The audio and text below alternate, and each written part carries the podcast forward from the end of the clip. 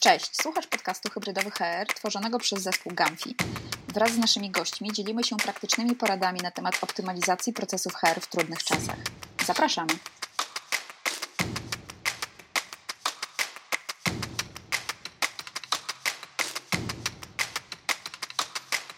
Cześć, tu Wacek Wykrytowicz z Gamfi.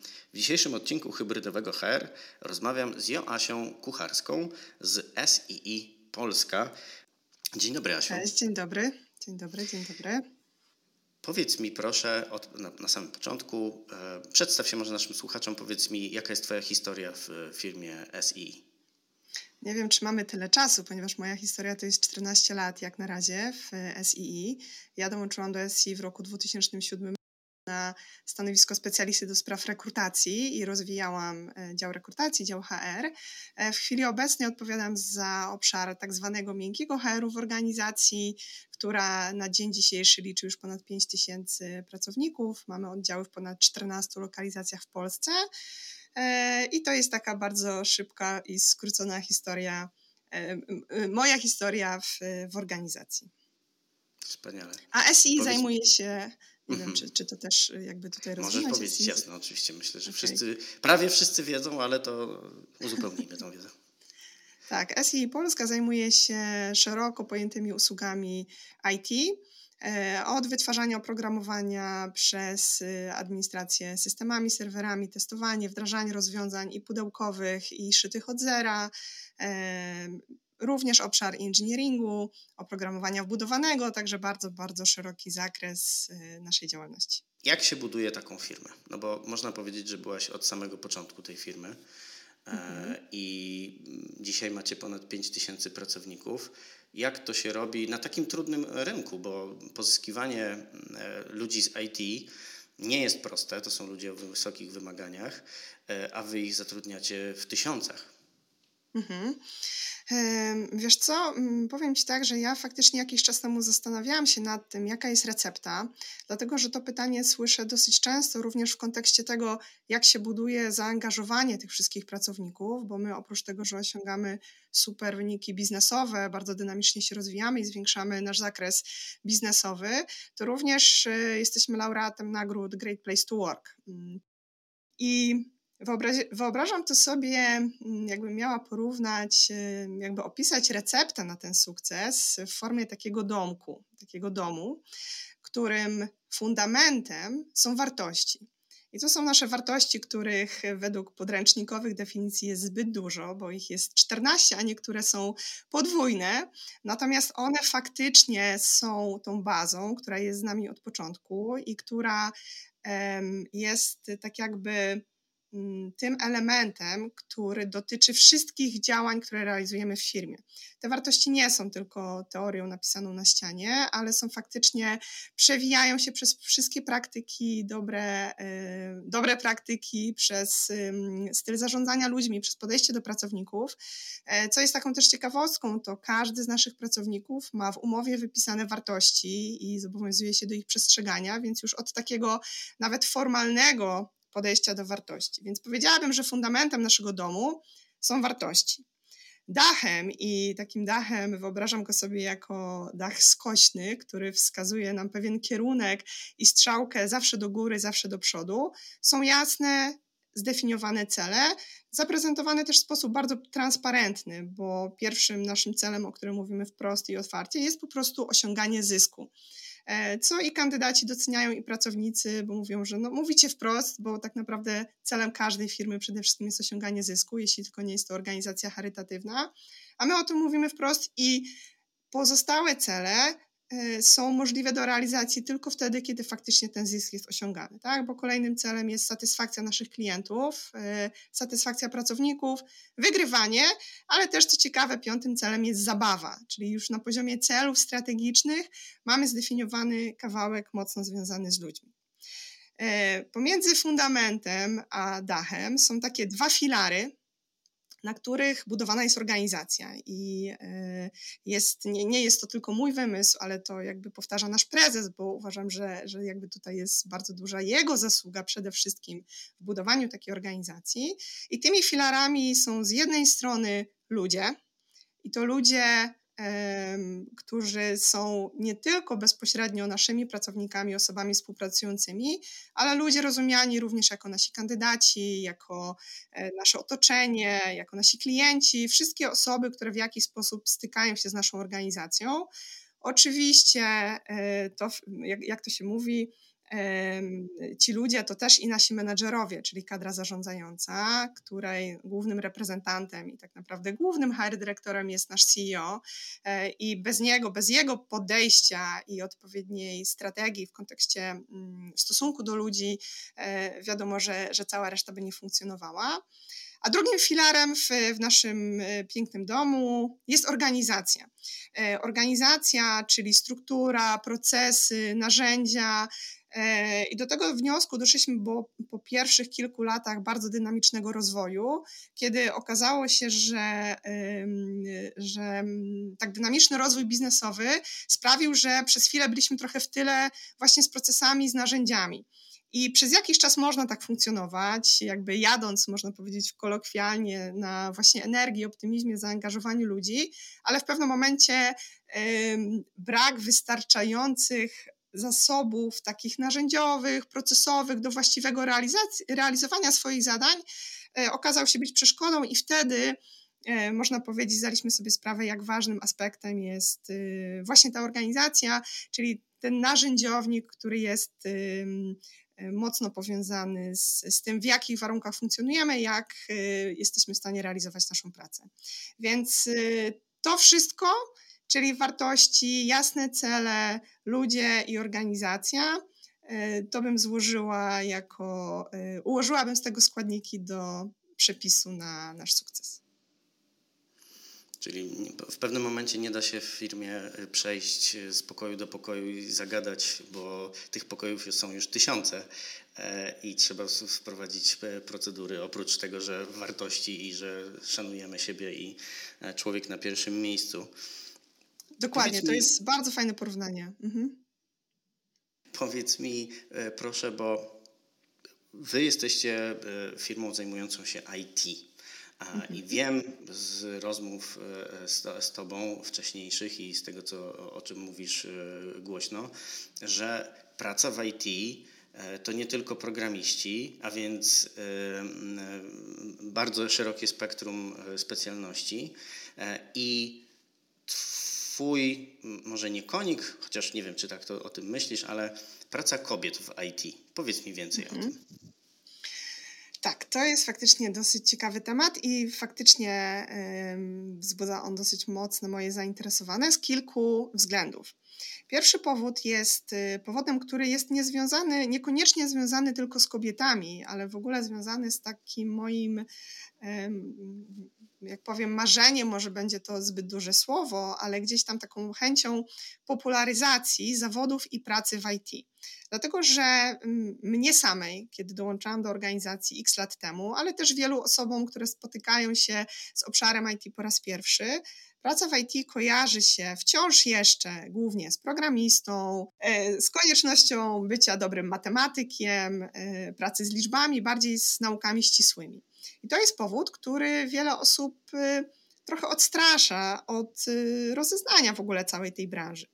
A praca w IT, na przykład, nie wiem czy wiesz, że w całym cyklu wytwarzania oprogramowania szacuje się, że tylko około 30% czasu e, jest poświęconego na samo pisanie kodu, wytwarzanie e, tego oprogramowania, o którym, które jest efektem pracy programistów, a cała reszta... Liczymy, liczymy, cała reszta to są przerwy na kawę, czy co jeszcze? na kawę i na piłkarzyki jeszcze, to, to tak. zapomniałeś. I na zjeżdżanie ze zjeżdżalni, więc... E, oczywiście. Tak, ale to oczywiście tak śmiechem, żartem. A tak naprawdę cała reszta to jest tak. Na początku, żeby powstała aplikacja, no to jest, y, ktoś musi dowiedzieć się od tego mm, sponsora, tak? Mówimy o sponsorze czy o mm, biznesie, który musi wymyśleć, co on chce, żeby ta aplikacja robiła. Tak? Aplikacja ma zazwyczaj jakiś cel biznesowy. Ona ma nam do czegoś służyć, w, czym ma, czymś ma nam pomagać. I te wymagania zbiera od takiego, powiedzmy, pomysłodawcy aplikacji analityk biznesowy. I ta osoba y, wcale nie potrzebuje znać się na programowaniu, ona potrzebuje znać się na tym, jak rozmawiać z klientem, o co go dopytać, potrzebuje umieć opisać w odpowiedni sposób te procesy, zaproponować, jakie być może usprawnić. Tak? Czyli y, bardziej bym powiedziała humanista i osoba relacyjna, która mm, dobrze się czuje w kontakcie z drugim człowiekiem, a niekoniecznie osoba, która dobrze się czuje tylko ze swoim komputerem. Tak?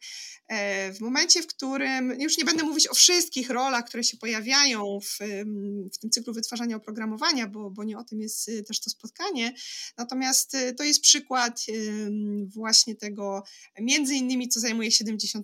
Oprócz analityka biznesowego, ktoś musi też później przetestować tą aplikację, kiedy ona już zostanie napisana, czyli sprawdzić, czy ona faktycznie działa tak, jak powinna.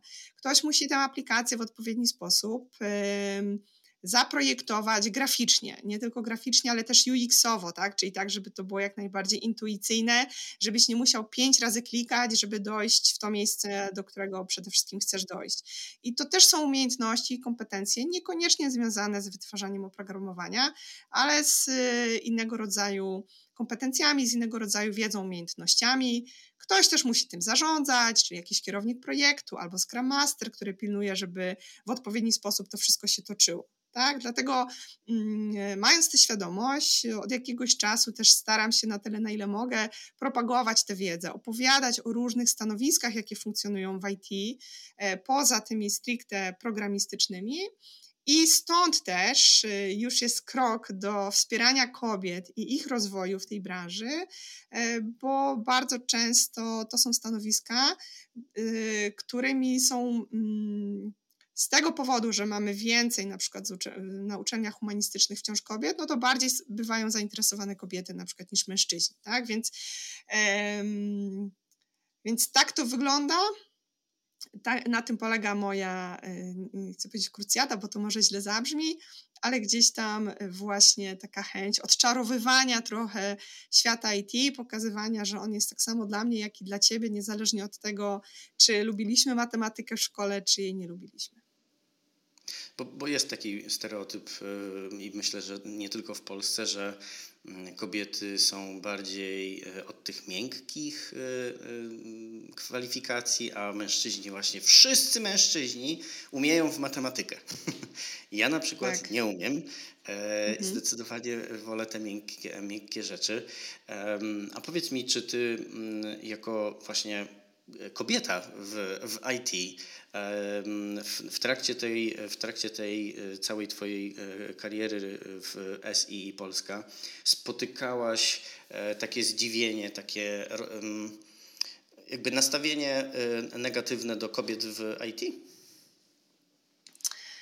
Ja osobiście nie, dlatego też, że no, ja też jakby pracuję w, w, w dziale HR, więc, więc ja osobiście się z tym nie spotykałam, ale koleżanki programistki opowiadały czasem o sytuacjach, gdzie, e, gdzie zdarzały się różnego rodzaju sytuacje, właśnie zdziwienie, też, też jest, krąży takie, no, jakby to powiedzieć, trochę takie niefortunne określenie, czy, y, które mówi trochę, e, jakby to powiedzieć, taki cytat, tak, że kobieta programistka to jak świnka morska, ani świnka, ani morska, które jest bardzo krzywdzące tak naprawdę.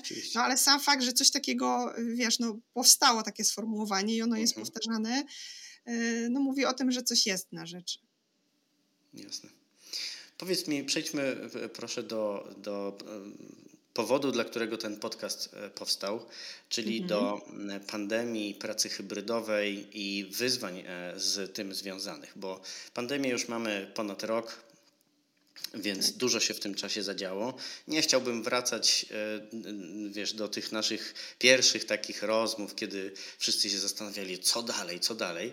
Bardziej chciałbym mhm. Cię zapytać o wnioski i o ewentualne zmiany, jakie nastąpiły, bo w wielu firmach, e, z którymi rozmawiamy, nastąpiły bardzo duże zmiany, na przykład do podejścia do pracy zdalnej. Natomiast IT akurat kojarzy mi się w ogóle z taką branżą otwartą na, na pracę hybrydową czy też e, zdalną, rozproszoną.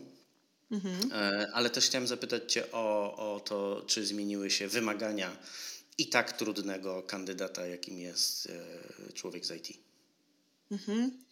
Dobrze, to najpierw a propos zmian i tego, co, mm, co się zadziało w pandemii, a później o kandydatach, dobrze? Jeśli mm, przypomnisz sobie ten domek, o którym opowiadałam, który, który jest y, receptą na, na sukces i rozwój naszej organizacji, to mm, w czasie pandemii e, fundamenty się nie zmieniły, tak? Jakby wartości były i są te, które były.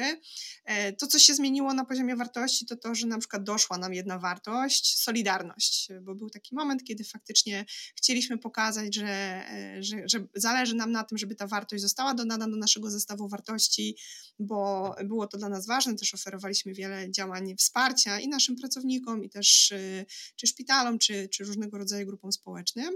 Więc, y, ale fundament wartości pozostał niezmienny i myślę, że to, że on był taki mocny, też nam bardzo pomogło i pokazało, że, e, że ten domek to jest domek tej trzeciej świnki, zbudowany mm, na solidnych y, fundamentach, a nie na piasku.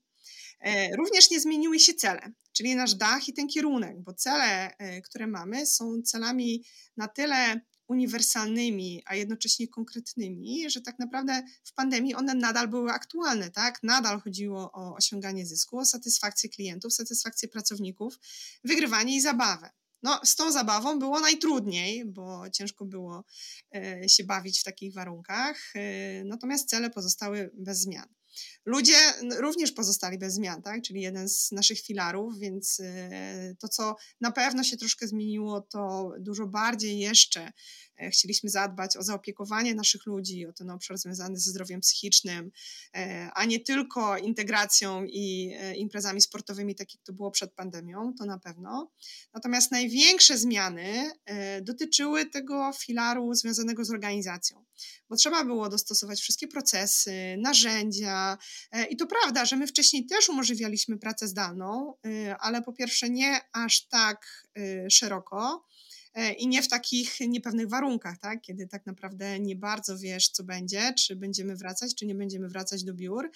Plus, y, nawet jeśli część pracowników pracowała zdalnie, to była w stanie się z nami spotkać na imprezę integracyjną albo była w stanie przyjść na spotkanie onboardingowe do biura, poznać swoich kolegów. E, no a teraz nie było to możliwe. Więc zmiana odbywała się głównie w tym obszarze związanym z organizacją, czyli z procesami, z narzędziami. Co ciekawe, y, kilka mm, elementów, które się zmieniły w trakcie pandemii, już z nami tak zostaną, bo stwierdziliśmy, że to nawet lepiej działa w formule online niż w formule, w formule stacjonarnej. E, jakie? Mm, na przykład e, wcześniej organizowaliśmy dla naszych pracowników meetupy, które były meetupami stacjonarnymi, czyli organizowanymi e, per lokalizacja. Tak? Na przykład w Warszawie był meetup, zapraszaliśmy ludzi do biura, przy okazji była pizza, piwko i spotkanie było face to face. W czasie pandemii te spotkania przyniosły się do online'u. I e, no, korzyścią było to, że w takim spotkaniu warszawskim mogły brać osoby z całej Polski. I, e, i ta formuła zostanie już z nami. Pewnie dojdzie element formuły hybrydowej, tak, żeby kto chce przyjść do biura i zjeść razem pizzę, to też dalej będzie mógł to robić, ale na pewno z formuły online już nie zrezygnujemy. Więc, e, więc były takie obszary, które, które nam usprawniły niektóre, niektóre procesy. Tak?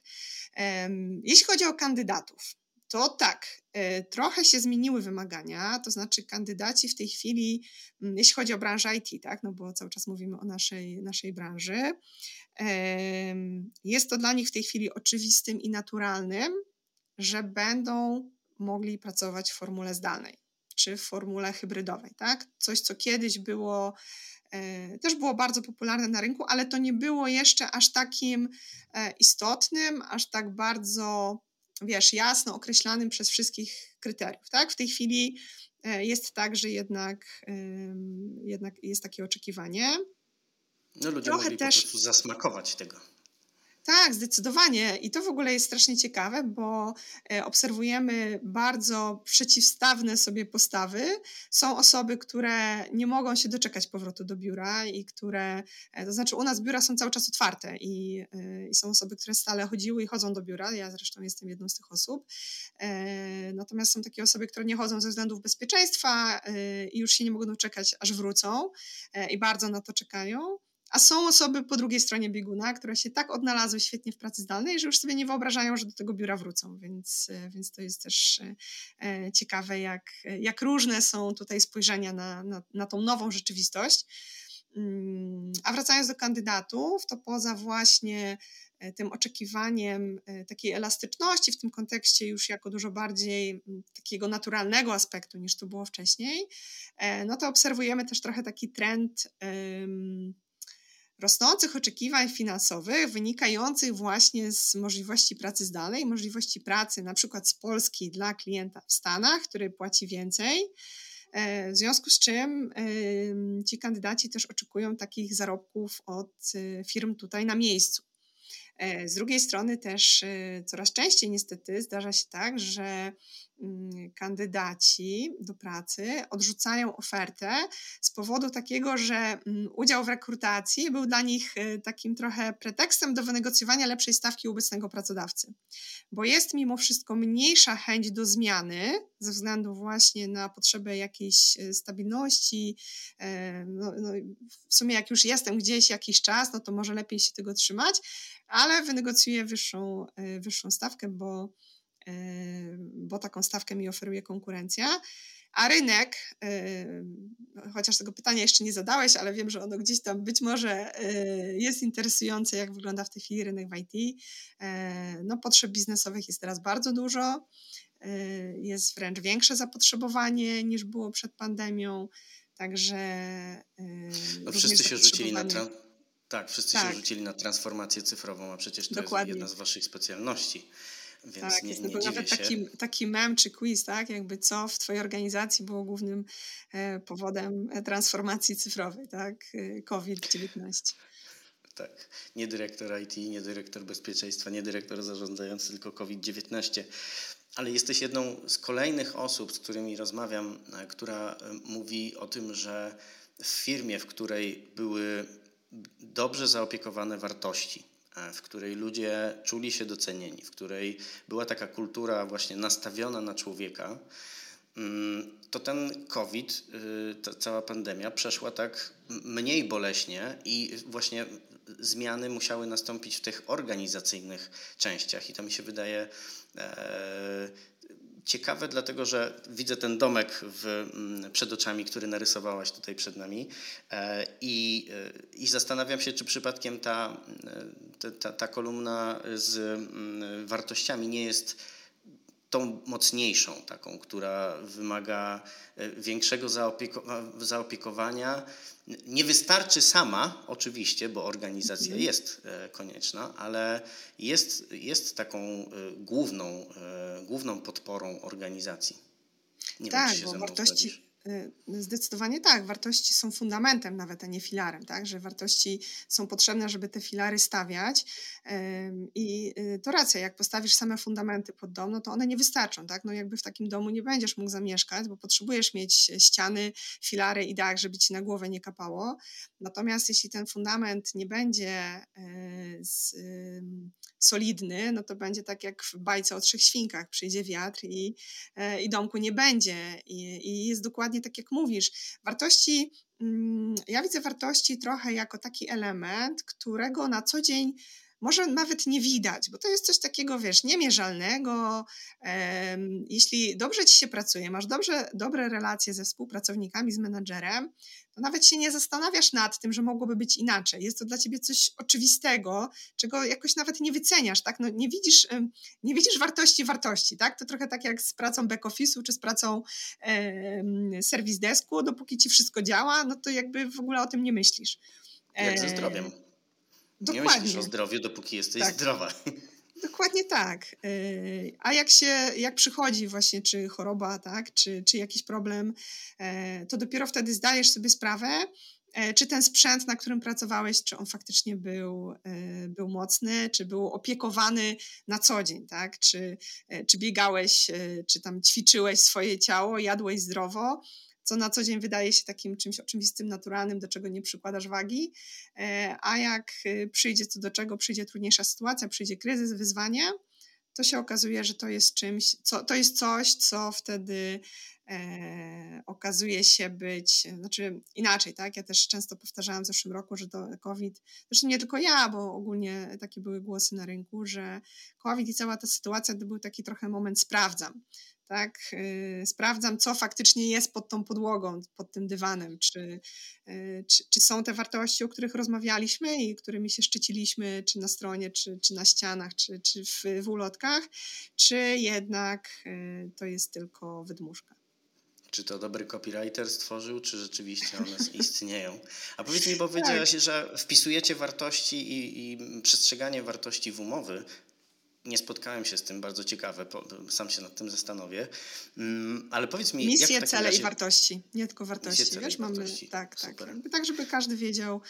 A powiedz mi w takim razie, jak to jest odbite, czy to się jakoś ma jakieś swoje odzwierciedlenie w procesie rekrutacyjnym? No musi pewnie mieć, nie? Zanim wpiszecie komuś to w, umow w umowę, to chyba musicie zdobyć zgodę, czy, czy rzeczywiście on coś takiego wyznaje. Tak, zdecydowanie. Jeśli chodzi o Y, rekrutację, to my od początku naszego istnienia, mm, i tu, i tu znowu y, takie było od początku podejście prezesa, bardziej, większy, może inaczej, większy nacisk kładziemy na potencjał danej osoby i jej postawę y, niż na, mm, niż na to, czym się może pochwalić w CV mówiąc tak bardzo kolokwialnie. Oczywiście nie chcę tutaj przesadzać i, i znowu jakby tego domu nie będzie, jak będzie tylko fundament, więc oczywiście kompetencje y, odpowiednie są potrzebne, tak? No jak szukamy programisty, to on musi umieć programować, e, ale jeśli na przykład będzie to świetny specjalista, e, czy to mówimy o programiście, czy mówimy o księgowej, tak? No bo tu, tu nie chcę jakby sprowadzać naszej firmy tylko i wyłącznie do tych stanowisk, ale będzie to osoba, która będzie prezentowała postawę e, no, niezgodną zgodną z naszymi wartościami, tak? Co można zauważyć już nawet na, na tym, w, jaki, na, w momencie na przykład wejścia do budynku, jak potraktuje e, koleżanki z recepcji, tak? Jak będzie e, się zachowywał w trakcie rozmowy rekrutacyjnej, to może to być powodem, że my takiej osoby nie zatrudnimy, pomimo jej świetnych kompetencji technicznych. E, z drugiej strony, jeśli widzimy w kimś potencjał, jeśli e, jest to osoba, która chce się uczyć e, i która prezentuje, reprezentuje nasze wartości i odpowiednią postawę, to y, jesteśmy gotowi i bardzo często tak robimy, że po prostu inwestujemy w naukę, tak? No bo umówmy się, łatwiej jest się nauczyć y, nawet, nie wiem, rachowania księgi rozrachunkowej czy języka programowania, niż zmienić postawę, niż, no i też chyba nie do końca jest taka rola pracodawcy, żeby, żeby to robić i żeby wychowywać na przykład ludzi. Więc, y, więc i od początku mieliśmy takie podejście, ono się nam bardzo sprawdza. To, co mówisz, to jest, y, y, słyszałem już od Josha Berzina, który mm, ostatnio nawet w Polsce występował, bo on właśnie twierdzi, że podstawą zatrudniania w dzisiejszym bardzo zmiennym świecie powinny być wartości bo tak jak mówisz, można e, zmienić kompetencje, a tych postaw, e, te postawy jest bardzo ciężko zmienić. E, czy możesz powiedzieć trochę więcej o tym, jak te kompetencje, ten upskill i reskill, modny coraz bardziej, wygląda u Was? Mhm. Czy to jest tak, że e, osoba, która przychodzi, dostaje jakąś ścieżkę od razu, którą może podążać e, kariery, czy obserwujecie, badacie, sprawdzacie i z księgowej robicie programistkę, bo e, się okazało, że, że się nadaje? To też się zdarza. E, u nas faktycznie wygląda to troszkę inaczej niż, e, no nie wiem jak to wygląda we wszystkich firmach IT, ale na pewno inaczej niż powiedzmy, nie wiem, w jakiejś wielkiej czwórce, tak? U nas ścieżki karier nie są określone w bardzo sztywny sposób. Nie jest powiedziane, że zaczynasz od, nie wiem, młodszego specjalisty, w tym obszarze dalej będziesz e, regularem, starszym specjalistą i to jest jakby twoja jedyna ścieżka rozwoju, co czasami niektórzy narzekają, że nie mamy tego tak jasno określonego, tak e, szczerze mówiąc, więc to wcale nie jest aż taki zawsze plus dla wszystkich, bo, bo niektórzy jakby potrzebują mieć to bardzo ułożone od początku. Natomiast u nas wynika to z tego, że u nas ścieżki karier są niemożliwe do określenia. Dlaczego? Dlatego, że yy, mamy takie osoby, o których gdybym teraz wymieniła, jakby, jak wyglądała ich ścieżka kariery, to nikt nigdy nie byłby w stanie ich w żaden sposób zaplanować wcześniej. Po pierwsze dlatego, że się cały czas rozwijamy, przybywają nowe działy, nowe obszary, nowe kompetencje center i nowe stanowiska, których nie bylibyśmy w stanie zdefiniować i określić w procedurze. Po drugie, dlatego, że e, duży nacisk kładziemy też na zaangażowanie pracownika i jego inicjatywę w wyborze swojej ścieżki zawodowej. E, I nie określamy z góry, że w, jeśli dołączysz do nas na stanowisku X, to możesz potem po dwóch latach przejść na stanowisko Y, tylko to ty zgłoś się, w jaką stronę chcesz pójść, w jaką stronę chcesz się rozwinąć. I dla przykładu, jedna z y, osób z mojego zespołu, specjalista do spraw HR, jest teraz sprawdza się jako cudowna testerka. Tak? No i też nie byłabym w stanie określić takiej ścieżki rozwoju wcześniej, bo jesteśmy w stanie to powiedzieć dopiero po jakimś czasie pracy w organizacji, więc mamy bardzo elastyczne podejście do ścieżek karier. Mamy oczywiście określone kierunki i obszary, tak, żeby każdy wiedział, w jaką stronę może się rozwijać. Mamy określone, co trzeba zrobić, żeby dokonać zmiany projektu, zmiany działu, zmiany stanowiska. E, I mamy też taki program, który to mnie szczerze mówiąc zawsze zastanawia, bo w moim poczuciu on jest y, bardzo innowacyjny.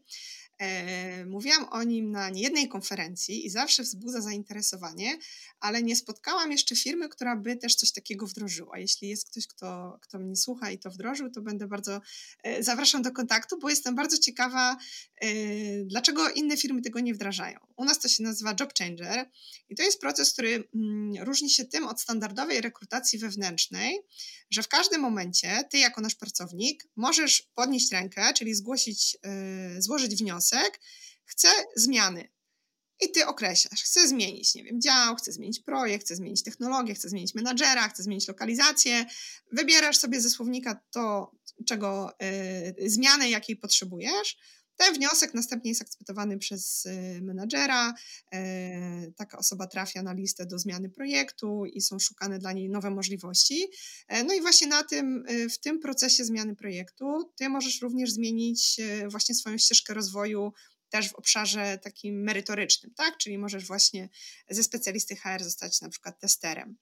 E, więc jakby pracownik nie czeka na ogłoszenie wewnętrzne, na które aplikuje, chociaż taki proces też jest i jakby ogłoszenia też są wewnętrznie i też pracownicy w ten sposób mogą e, e, chciałam powiedzieć requestować o zmianę, ale też nie lubię tych angielszczyzny takiej, więc wnioskować o zmianę.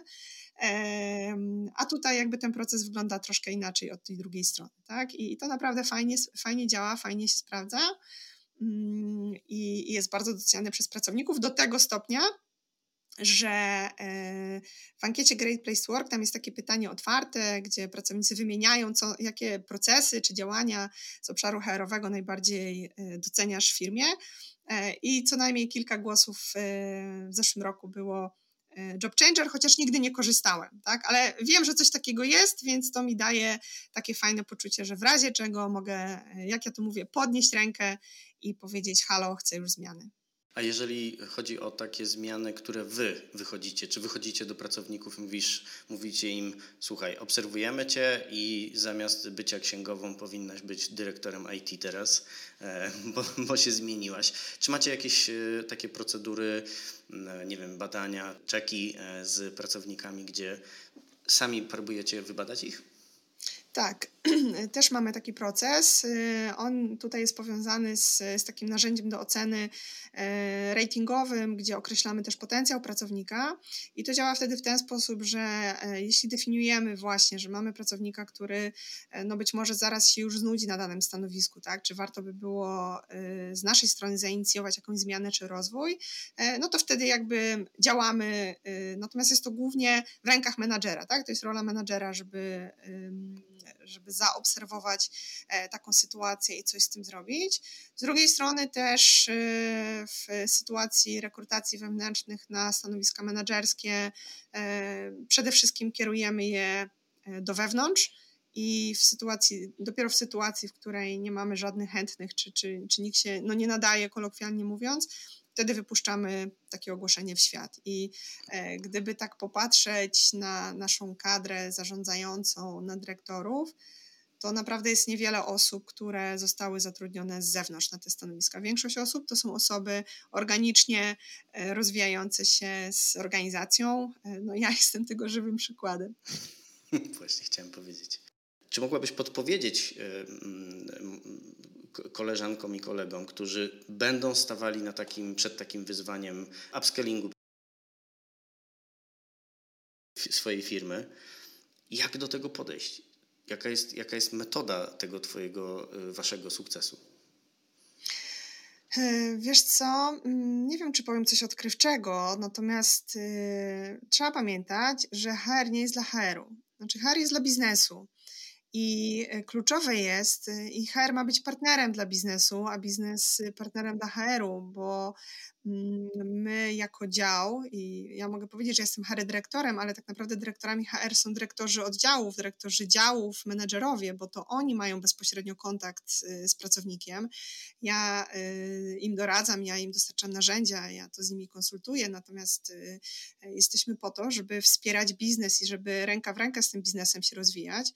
Więc y, chyba taka moja od zawsze y, i, takie jest moje podejście i też jest taka moja rada, żeby przede wszystkim siedzieć przy stole z biznesem, e, dostosowywać cele HR-owe i działania HR-owe do celów biznesu, które się zmieniają w, w, dynamicznych, e, w dynamicznych okolicznościach w chwili obecnej. Mm, I i tak do tego HR-u podchodzić, tak? Bo znam organizacje, znam yy, właśnie dziewczyny z HR-u, tak? Ale chłopaków też, którzy na przykład potrafią sobie czasem wymyślić, a wdrożymy sobie coś fajnego, bo usłyszeliśmy o tym na konferencji, bo jest to sexy, bo jest to trendy. Yy, a to nie tędy droga, bo tak naprawdę trzeba realizować i wdrażać te działania, które w danym momencie odpowiadają na potrzeby biznesowe firmy. Jeśli w danym momencie mamy problemy z rekrutacją, nie jesteśmy w stanie zatrudnić tylu kandydatów, ile potrzebujemy, to tutaj musimy położyć e, swój nacisk i tutaj musimy wzmocnić działania. Jeśli w danym momencie mamy problem z zaangażowaniem ludzi albo z, z wysoką rotacją, e, to to są te elementy, na które wtedy powinien, na których wtedy powinien się skupić HR, więc, e, więc to by była moja rada i dodam jeszcze też taką radę kontekście budowania partnerskich relacji z biznesem, e, o której e, mówią hair influencerzy, bo ja też należę do think tanku hair influencers, która bardzo mi się podoba i, i dlatego będę ją propagować, żeby nauczyć się mówić e, językami obcymi, czyli językami tego biznesu, tak, że jeśli rozmawiam z menedżerem sprzedaży, to żeby wiedzieć, jakie wartości i korzyści jemu zaprezentować jego językiem, a nie moim jeśli rozmawiam z, z prezesem, no to z tym, co z jego punktu widzenia będzie ważne, tak żeby umieć przełożyć działania, które chce realizować na język jego, czyli język biznesu.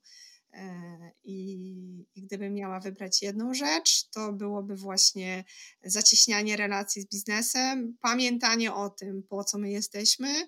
Mm, oczywiście cały czas będąc na fundamentach, jakimi są nasze wartości, bo o tym też zapominać nie możemy stoimy na fundamencie wartości, ale pamiętamy, że daszkiem jest zysk. E, I tak jest. wszystkie e, rzeczy biznesowe. To na koniec pytanie o plany e, HR-owe i plany SI Polska do końca tego roku, na plany na wychodzenie z pandemii. Więc co dalej? Wiesz co, ja w ogóle unikam chyba takiego stwierdzenia plany na wychodzenie z pandemii, dlatego że ja, znaczy, ja mam takie podejście do tego, że y, nie, nie, czekamy już na, wiesz, starą rzeczywistość. Ta rzeczywistość, jaka jest, to jest nasza dzisiejsza rzeczywistość, tak? I tak jak niektórzy mówią, czekamy na powrót do normalności. No to my nie czekamy na powrót do normalności, bo to jest już nasza normalność. Nie wiemy, co będzie za pół roku. To, co się na pewno zmieniło, y, my byliśmy i jesteśmy firmą bardzo dynamicznie się zmieniającą, ale teraz jeszcze szybciej musimy się zmieniać jeszcze bardziej elastycznie dostosowywać swoje działania. E, i w inny sposób konstruować chociażby strategie eventowe, tak? strategie właśnie zagospodarowania biura, strategie zarządzania osobami, które razem pracują. Więc myślę sobie, że e, te plany przede wszystkim są związane z, e, z zadbaniem o ludzi, z zadbaniem o to, żeby im się wciąż dobrze pracowało. Na pewno jest potrzeba, wiesz, spotkania się twarzą twarz, tym bardziej, że zatrudniliśmy w tym roku bardzo dużo nowych osób. W ogóle to są nasze rekordy, jeśli chodzi o zatrudnienia nowych osób, yy, ostatnie kwartały. Te osoby w dużej mierze jeszcze nie poznały swoich kolegów yy, z zespołu, więc pewnie to jest spore wyzwanie, yy, doklejając do tego fakt, że wciąż wiele osób się obawia spotkać, plus chwilowo jeszcze nie możemy w większym gronie się spotykać. Natomiast nie podchodziłabym do tego, wiesz, jako do czegoś, nie wiem super nowego, tylko raczej bym traktowała, że no taka już będzie nasza rzeczywistość, to jest to nasza nowa normalność i nie czekamy, tylko działamy na bieżąco y, z dużo większym mm, marginesem y, zmiany, czyli zakładając, y, że wiele się może na bieżąco zmienić, w ogóle tworząc różnego rodzaju scenariusze, tak? czy nawet budżetując, ok, jak się uda zorganizować taki event, to taki będzie nasz KPI, jak się nie uda, to będzie taki. Mm, I, VUCA World, tak, VUCA Budgeting. Dokładnie e, tak. A powiedz mi jeszcze jedną rzecz, czy, czy w sprawie biur, czy planujecie zmniejszenie, zwiększenie lokacji, bo to jest pytanie, które zadaje sobie bardzo wielu przedsiębiorców? E, tak, to znaczy tak, tak, ten temat jest na tapecie. Nie, nie planujemy ze względu na to, że nie jesteśmy w stanie, dlatego że mamy umowy podpisane y, wieloletnie i. Znaczy nie jesteście w stanie zmniejszać, tak? Tak, nie jesteśmy w stanie zmniejszać y, w, w niektórych lokalizacjach. To, to wiesz, to, to nie jest takie proste w sytuacji, w której y, te umowy są podpisane na wiele lat. Natomiast. Mm, na pewno myślimy nad tym i organizujemy mm, taki efektywny sposób y, potencjalnego powrotu do biur, nawet nie powrotu do biura, ale wykorzystania tych biurek, tak? bo zdecydowana większość pracowników jest za pracą hybrydową, czyli chcą pracować y, wciąż z domu, ale mieć możliwość przyjścia do biura, nie wiem, jeden, dwa dni w tygodniu. No i jakoś to trzeba pożenić z tym, y, żeby te biurka nie stały przez większą część tygodnia puste, tak? Więc wprowadzamy na przykład taki system tak zwanych shared desków, że pracownicy, są przy, kilku pracowników jest przypisanych do jednego biurka i oni decydują, kto kiedy przychodzi, albo system taki, że z założenia pracownik sobie pracuje z domu, bo tak wybrał, natomiast są wolne biurka, na które się może zapisać na każdy dzień i przyjść do biura kiedy tylko chce i nie tylko do biura w swojej lokalizacji, ale też może pojechać do Gdańska i pracować z widokiem na plażę. Więc no to może trochę przesadziłam, bo nie widać plaży z biura, ale, ale niedaleko mieć do plaży, więc, więc takie możliwości też, też dajemy naszym pracownikom. Bardzo dziękuję Ci za rozmowę. E, moim i Państwa gościem była Joasia Kucharska z SII Polska.